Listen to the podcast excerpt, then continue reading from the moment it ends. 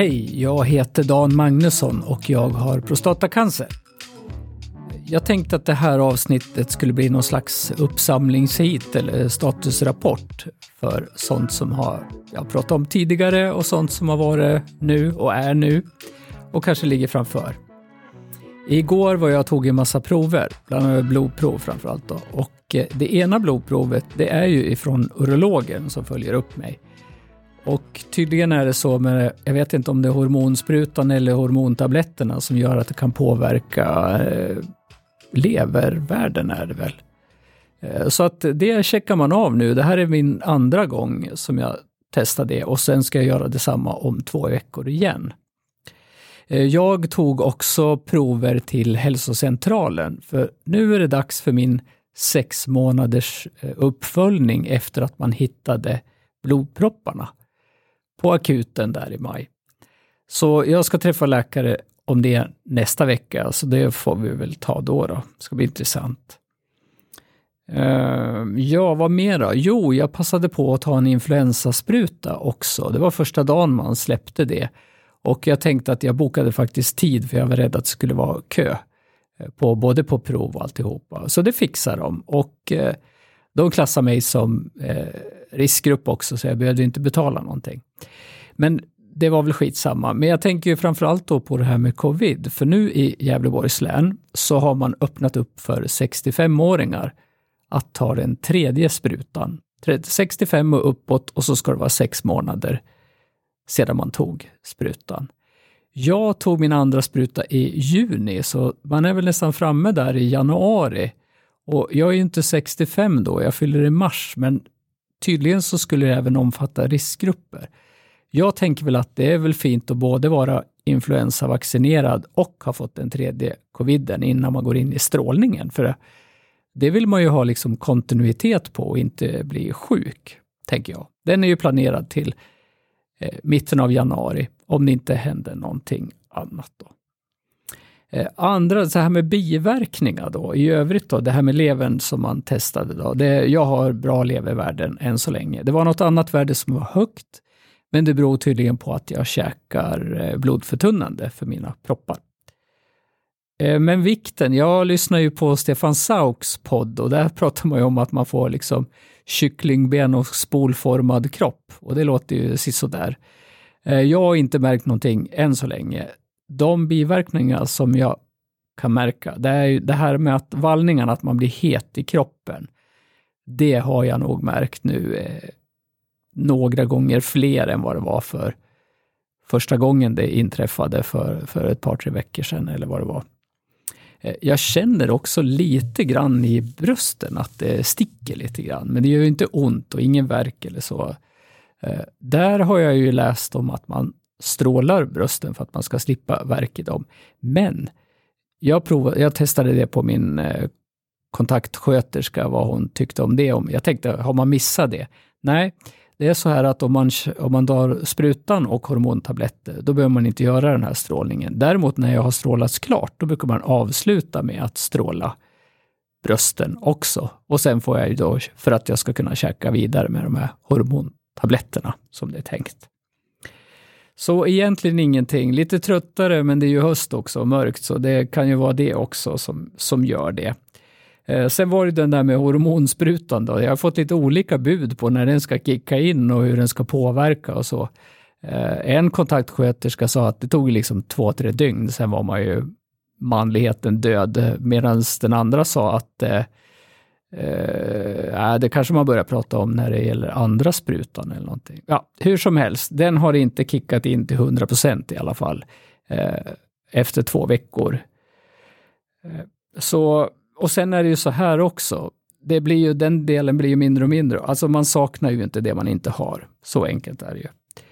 Eh, så att för min del, det, det kan väl vara jobbigare när man väl kanske efter behandlingarna och så vill man men inte kan. Eh, så att, ja, vi får se. Vad som snurrar i övrigt i huvudet då? Ja, jag tänker inte på döden, för det pratade jag om i förra avsnittet, så det, det har vi lämnat nu. Eh, sen var det ju liksom inte meningen att skrämmas med det här med, jag vill bara påpeka liksom att prostatacancer är, är ju allvarligt. Men eh, antagligen är det ju så här att varför man liksom nästan ignorerar eller, eller åtminstone nonchalerar, jag vet inte vad man ska säga, jag upplever det så, ska jag säga. Det är ju det att det har så långsamt förlopp för de allra, allra flesta. Det är klart att är man 40-50 så är det ju inte så kul att få det. Men ju äldre man blir, ju långsammare förlopp är det ju. Och det är väl därför det inte blir liksom lika dramatiskt. Man får den här cancerdiagnosen och så dör man inte på fem eller tio eller vad det nu är, 20 år. Och det är väl därför som man inte tycker att den är så farlig inom situationstecken. Citation heter det till och med. Eh, så nog om det då. Sen kollar jag också på det här med hur man, hur man säger om, om tumörer. Jag, jag vacklar ju om det hela tiden, men nu vet jag i alla fall från läkarhåll, liksom, det står ju det att om man har glisonsumma 9 som jag har, då är det en aggressiv tumör. Även om den då är lokalt avancerad, så att säga. Man har inte märkt att den har spridit sig, men det där är ju också en, en sån där sak som jag börjar förstå också att eh, Eh, nej, det har inte blivit några metastaser eller synliga tecken, men inte kan de titta på cellnivå om min cancer har spridit sig. Jag tänkte ju direkt när jag fick det här PSA, för att, att, att det har ju redan spridit sig, för jag har ju verkligen, känner ju av i buken och svanskotan är ju öm i, så jag, jag tänker liksom att det kan lika gärna ha spridit sig. Men så länge man inte har hittat något så är väl det okej okay då. Då är det väl bara att köra vidare.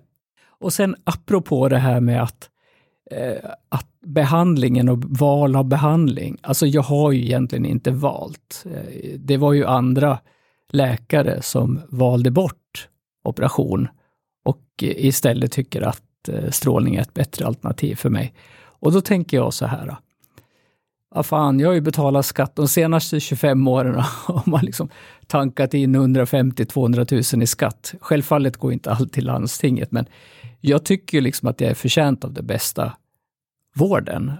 Alltså det är liksom egoistiskt sett så tycker jag det, oavsett förresten om jag hade betalat skatt eller inte. Så är man ju liksom förtjänt av den bästa möjliga vården och enligt, eh, alltså det står ju att man ska kunna välja vård också, även i andra regioner och liknande. Så det jag funderar på nu, det är ju bara väldigt sådär liksom, mm, vad ska jag säga, översiktligt och ytligt. Alltså någon professor urolog i Umeå börjar ju prata om liksom strålningsmetoder, hur det hade utvecklats genom åren. Och eh, de hade också gjort försök, försök med någon slags spruta in någon filler, ungefär sådär, jag säger botox bara för att ni vet vad det är då, men liksom typ något sånt som man kan spruta in för att utöka ett avstånd mellan tumören och intilliggande organ. Det var liksom en grej som jag tyckte, ja men det där var väl, låter väl smart och kul. Det där kan man väl tänka sig att det kommer att utvecklas över tid. Den andra grejen som jag har läst, eller hört, det är ju liksom Stefan Sauk då, som berättar om sin Rapid Arc-behandling. Eh, alltså, vissa sjukhus har ju tydligen en mera modern strålningsteknik där man använder sig av någon typ 360 3D strålning där man kan liksom snurra runt och stråla den här och på så sätt ge högre strålning vid varje tillfälle. Eh, och det har ju visat sig, står det också på de flesta ställen, det har ju visat sig att den är ju liksom mer effektiv om man kan ösa på. Då. Eh, och den där ska vara mera precis. Eh, och den tredje grejen jag har läst om, det är Uppsala universitetssjukhus som har, tydligen har någon strålningsmaskin med inbyggd magnetröntgenkamera så att man liksom kan titta, alltså stråla i realtid och göra förändringar vid varje tillfälle då, för att det ska bli exakt. Då. Och jag tänker liksom oavsett vad som passar mig eller inte så tänker jag att det här har ju inte Gävle i alla fall. Eh, tror jag. Så att det här måste man väl ändå ha någon slags dialog om, tänker jag. Jag menar, jag skulle ju kunna tänka mig att åka till, sätta mig på tåget till Uppsala eller kanske Stockholm också för den delen och, och om jag får en bättre behandling, tänker jag, mer effektiv. Särskilt med tanke då på att min tumör sitter så himla nära ändtarmen, än så länge i alla fall.